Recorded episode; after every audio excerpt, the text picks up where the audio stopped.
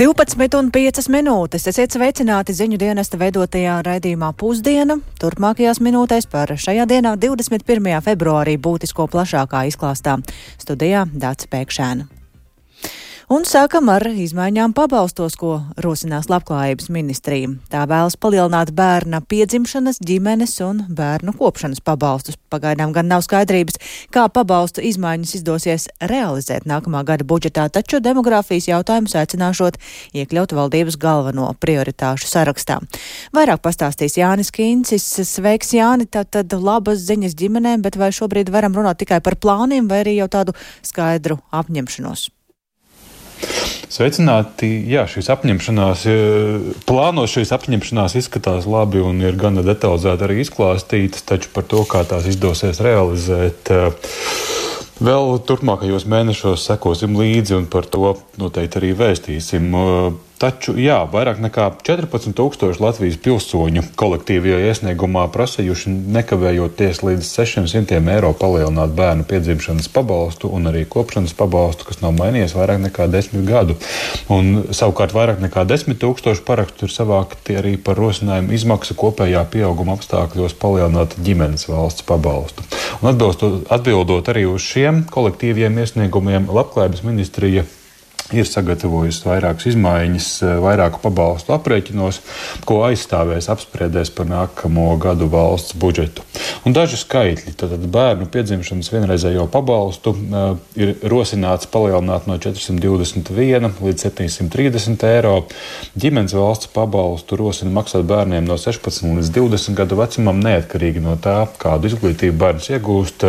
Šobrīd šo pabalstu maksā par bērnu, kurš mācās vidējās vai profesionālās izglītības iestādēs. Taču tiem jauniešiem, kuri agrāk sākuši iegūt augstāko izglītību, ģimenes valsts pabalstu nemaksā. Otrs priekšlikums ir ģimenes valsts pabalstu par pirmo bērnu divkāršot no 25 līdz 50 eiro. Tāpat ir arī piedāvāts variants, ka ģimenes valsts pabalstu par pirmo bērnu palielinātu līdz 30 eiro, bet pakāpeniski par diviem bērniem no 100 līdz 120 eiro bet par trīs bērniem no 225 līdz 270 eiro. Šie palielinājumi neizklausās lieli, taču kopumā budžetā tie prasītu papildu no 35 līdz 41 miljonam eiro. Tāpat ministrija piedāvās celt arī pabalstus aizbildņiem bērnu. Bērnu kopšanai, atlīdzību aizbildņiem un auģu ģimenēm, kā arī atlīdzību par bērnu adopciju un adoptējumā bērna aprūpi. Lūk, un, Demogrāfijas jautājumu blokā pabalstu palielināšana ir tikai viens no elementiem, par ko sagaidāmas diskusijas. To norāda Labklājības ministrijas parlamentārais sekretārs Reinis Uzulnieks pabalstu pārskatīšana tikai daļa no visa kopējā demogrāfijas plāna, jo svarīgi, protams, ir bērnam nodrošināt pirmskolas izglītību, mājokļu jautājumus, veselību, dažādas atvieglojumus. Mums noteikti tēva loma ģimenē jāstiprina. Tas plāns, kāds uz priekšu ir plānots, iesaistīt visas 14 ministrijas. Pabalsti ir tikai viens no mehānismiem, kā uzlabot attiecīgi iespējams demogrāfiju. Un Labklājības ministrijas parlamentārais sekretārs norādīja, un to, šo pozīciju atbalstīja arī vairāki Saimnes sociālo un darba lietu komisijas deputāti, ka demogrāfijas jautājumiem ir jābūt nākamo gadu valsts budžetos vienam no prioritāriem pasākumiem. Un ir paredzēts, ka nozara ministrijas šo minēto uh, pasākumu kopumu līdz ar nevalstiskajām organizācijām sagatavos līdz jūlijam. Dace? Jā, neviens ir ieceres, bet eh, kā šos plānus vērtē valsts maka turētāja finanšu ministrija? Šis vērtējums pašlaik ir tāds vispārīgs, jo apgādes ministrijas piedāvājums vēl nesot finanšu ministrijā saņemts, līdz ar to arī nav detalizēti izvērtēts. Taču tas notiks martā, kad finanšu ministrija ar, nozaru, ar citām nozaru ministrijām sāks e, pārunas, un tas notiks ātrāk nekā citus gadus. Sāks pārunas par nākamā gada valsts budžetu. E, to stāstīja Finanšu ministrijas parlamentārā sekretāra Karina Ploka. Un iespējas nākamā gada budžetā atvēzēties pabalstu paaugstināšanai pašlaik vēl būtu par agru vērtēt, jo nav zināms, kā līdz gada beigām pildīsies e, nodokļu ieņēmumi. Tāpat arī inflācija sarūk straujāk nekā plānots. Taču šīs dienas prezentācijā piedāvātās pabalstu sistēmas izmaiņas Finanšu ministrijas parlamentārā sekretāre komentēja šādi.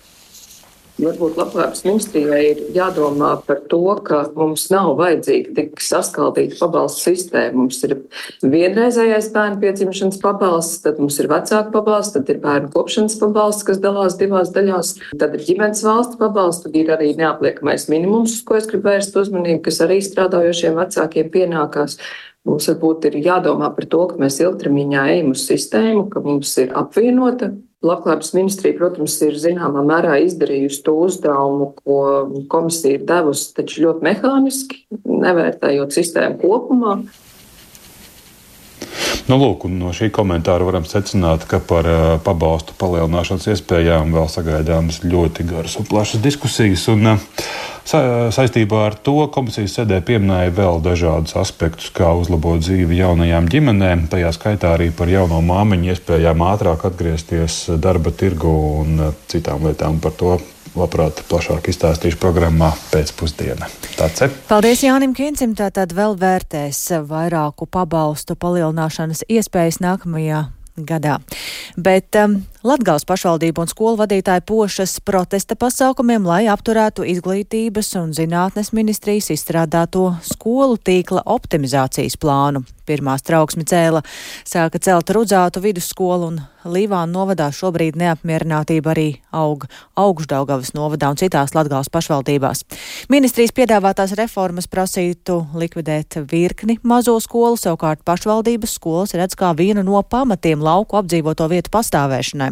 Turklāt daudzus piedāvātos skolu apvienošanas plānus sauc par vienkārši neloģiskiem. Piemēram, kā gadījumā ar divos pretējos Daugavas krastos esošām skolām Augšdaugavas novadā, un par to turpina domas izpildirektors Pēteris Dzalbe. Laikam gads jau iet diskusijas par to, kāds būs jauns skolu tīkls. Un ministra Čakša mēģina iestāstīt, kāds būs skolu tīkls pierobežā atbildīgie speciālisti, kuri atbrauca un savienoja Salienas vidusskolu ar Naujienes pamatskolu, saskaitot bērnus kopā, neieraudzīja, ka Daugavai nav tilta. Tuvākais tilts Salienas vidusskolai ir Krāslava uz Krāslavas vidusskolu vai gimnāziju, vai otrs ir tuvākais Daugopilī uz Daugopils vidusskolu, vai tātad caur Daugopili ir jāizbrauc uz Sventes vidusskolu. Primāri būtu jāpadomā par to bērnu, par to vecāku, kurš to bērnu sūta uz skolu. Nevis vienkārši par Excel tabulu un vienkārši sazīmētu geogrāfisko karti pa taisnām līnijām. Brīžiem nav to taisno ceļu. Brīžiem ir tā, ka, ja skolu aiztaisa, tad pavisam nav ceļa, pa kuru vēst. Tālūk, domas izpildirektors Pēteris Dzalbe, un iespējams risinājums šai situācijai tiks rasts šo pēcpusdienu premjerministres Evikas Siliņas izveidotajā piecu ministriju darba grupā, ar kuru šodien tiksies Latgales pašvaldību un izglītības pārvalžu vadītāji, un šādas valdības sarunas rīt arī turpināsies ar Kurzemes un Zemgales reģiona pašvaldībām. Savukārt turpināt vai neturpināt streiku šobrīd lemj Izglītības un zinātnes darbinieku arotbiedrības padomas ārkārtas sēdē. Arotbiedrības un izglītības ministrijas redzējums par pedagoģu darba slodzi joprojām atšķiras un līdz ar to arotbiedrība uzskata, ka tai ir tiesības streiku turpināt. Bet nu gan par citiem notikumiem - karš Ukrainā un Gazas joslā. Tie ir būtiskākie jautājumi, kas būs uzmanības centrā G20 valstu grupas sanāksmē, uz ko šodien Brazīlijā sāk pulcēties ārlietu ministri.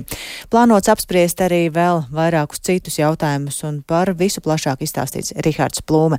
Sveiks, Rihard! Sāksim ar Ukrainu. Ko šajā sanāksmē varam sagaidīt saistībā ar to?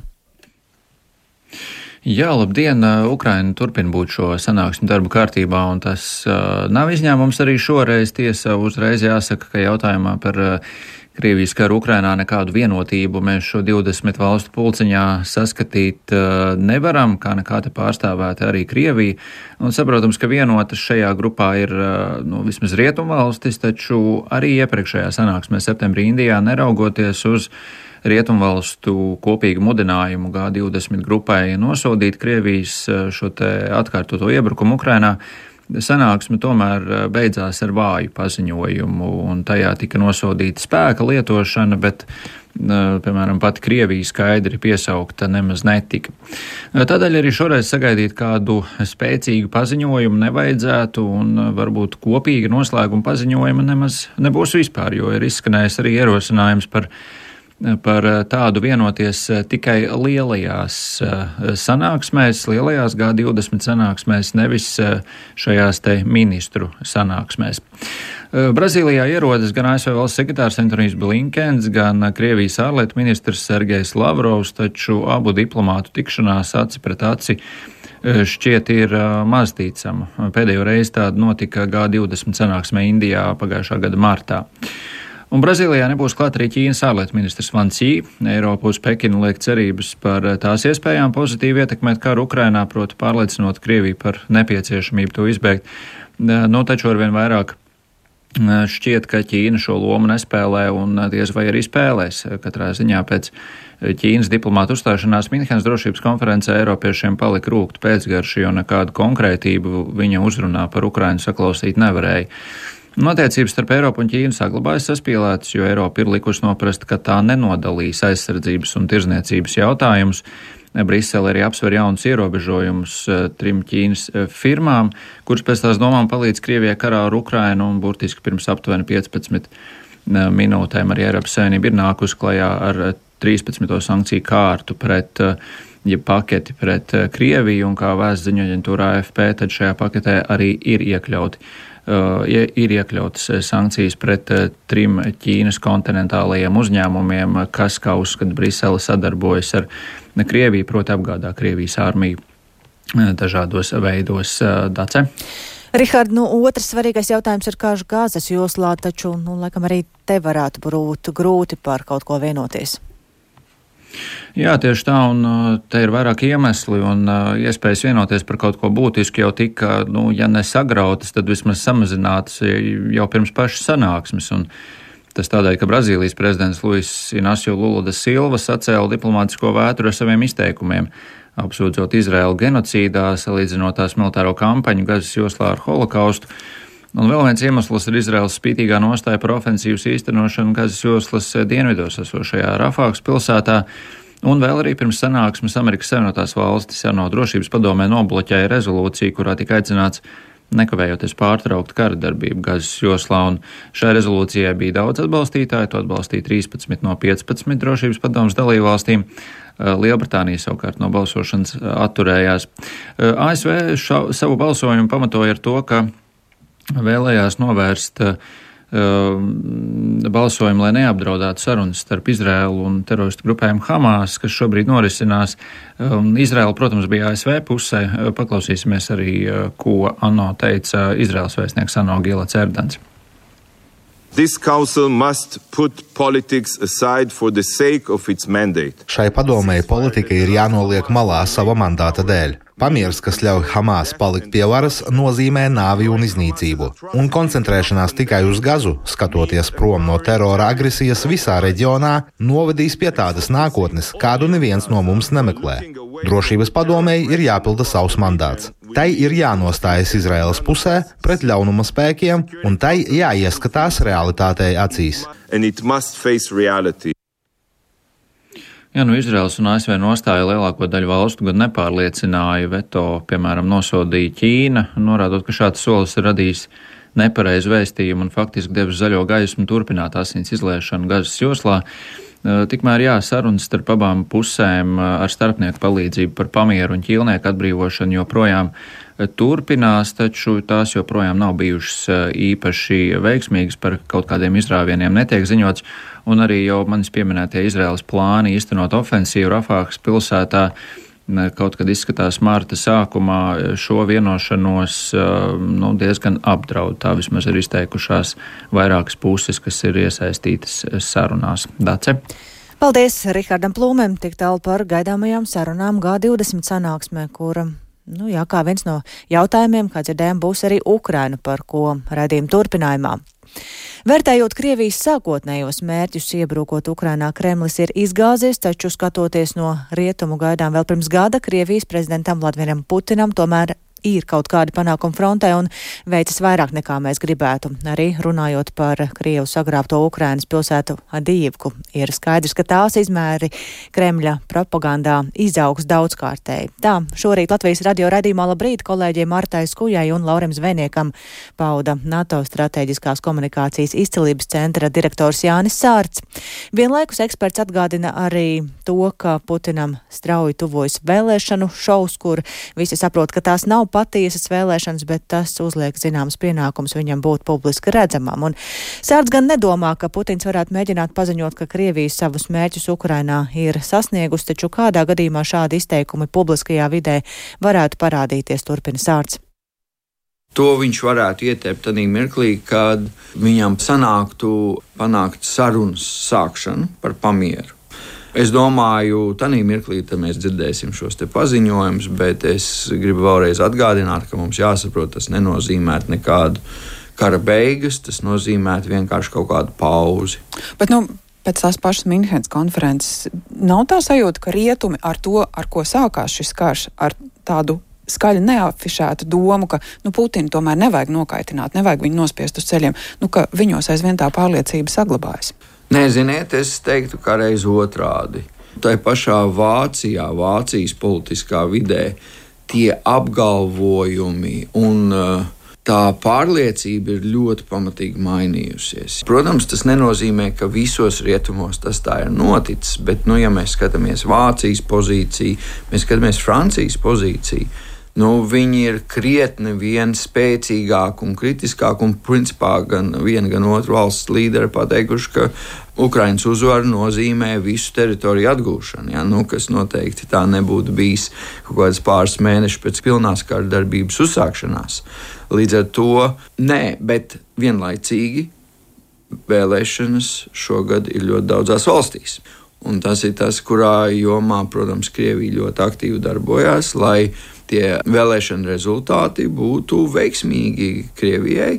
Ir nu, vietas un jomas, kurām viņiem veicās. Nu, piemēram, Slovākija ir diezgan spilgts piemērs, kur mēs redzam, valdība, kas bija ļoti Ukraiņu atbalstoša, tagad ir nomainījusies, un nu, tagad tie paziņojumi ir pilnīgi pretēji. Otrs, eh, ASV vēlēšanas, nu, mēs visi novērojam šo jocīgo, varētu nosaukt par interviju ar Tucker Carlsonu Nu, tas, manuprāt, arī bija Krievijas mēģinājums uzrunāt zināmu vēlētāju grupu ASV ar saviem vēstījumiem. Arī Vācijā, manuprāt, Krievijas atbalsta mērķis ir AFD kuriem ar vienu nu, pieaug tā popularitāte. Un, nu, tur arī tradicionāli bijuši gan um, ietekmes aģenti pieejami Krievijai, gan citas uh, instrumenti, kas dod iespēju šo visu realizēt. Bet lūkojoties uz mūsu informatīvo telpu, kādi riski mums šobrīd pastāv un kas šobrīd notiek? Pirmkārt, jau mēs neko īpaši neatšķiramies no jebkuras citas valsts, kur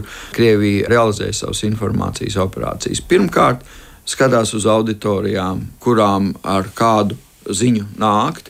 Ir uh, cilvēki, kurus viņš uzskata par uh, Krievijas atbalstītājiem, tiem ir citas ziņas, un uh, savukārt pārējiem ir citas ziņas. Nu, tas tādā ziņā līdzīgi kā Ukrainā, kur viens demoralizēt, un otriem nu, likt gaidīt, tūlīt, tūlīt jau nāksim, būs.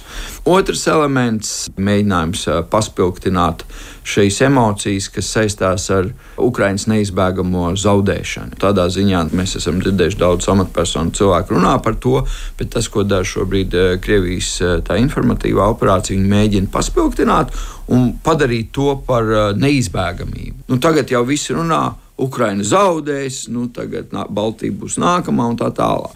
Tā ir vēl viena lieta, kas notiek. Un tad, nu, protams, ik pa brītiņam, kas tur tā taktiskajā ziņā, kas viņiem ir interesanti. Bet es teiktu, ka vispār kopumā Baltijas valsts, manuprāt, pēdējā laikā Krievijai ir sarežģītākas, jo tā cena, lai realizētu šeit informācijas operācijas, ir augstāka nekā nu, virknē citu valstu. Jo nu, mēs to tomēr esam veikuši virkni soļus, iepratīm Krievu apraidēju šeit, eh, gan arī citus. Nu, viņiem tas ir sarežģītāk. Tas nav neiespējami, bet tas ir sarežģītāk. Tālūk NATO strateģiskās komunikācijas izcelības centra direktors Jānis Sārts. Bet tagad par to, ka pēc vairāku stundu sarunām Stradiņa slimnīca ir pārņēmusi nepabeigto jauno A2 korpusu no būvfirmas Velve. Būvu objektā šo procesu uzraudzīja arī valsts policija, lai nodrošinātu sabiedrisko kārtību un drošību, jo būvnieks pretojās līguma laušanai un uzskata to par pretiesisku. Pārņemšanas procesā klāt bija arī kolēģis Sintī Ambotes. Sveika, Sintī, kā tas notika? Nu jā, tātad Paula Stradiņa Kliniskā universitātes slimnīca kopš agra rīta centās pārņemt nepabeigto jauno A2 korpusu no būvkompānijas Velvē. Pie būvobjekta vārtiem kopš astoņiem no rīta pulcējās būvnieki un vairāk slimnīcas pārstāvi, kā arī šīm sarunām līdzi sekoja policijas darbinieki. Līdzās stāvēja arī policijas mašīnas ar ieslēgtām bāku gunīm, jo būvnieks vienkārši nelaida projekta pasūtītājus iekšā. Taču abām pusēm ilgi diskutējot, pirms 12. objekts tomēr tika nodots. Var teikt, ka tas notika tikai ar šo policijas klātbūtnes spiedienu un tika sastādīts vienpusējs akts par būvlaukumu pārņemšanu. Kā zināms, jau pirms nedēļas slimnīca vienpusēji lauza līgumu ar Velvi, jo būvnieks neievēroja būvniecības termiņus. Būvobjektā tika konstatēti būtiski defekti, kas netiek novērsti. Objektā notikusi arī nesaskaņoto apakšu uzņēmēju nodarbināšana un citi pārkāpumi, tā norāda slimnīca. Un, slimnīca objektu plānoja pārņemt jau vakar, bet tas tātad notika tikai nu pat.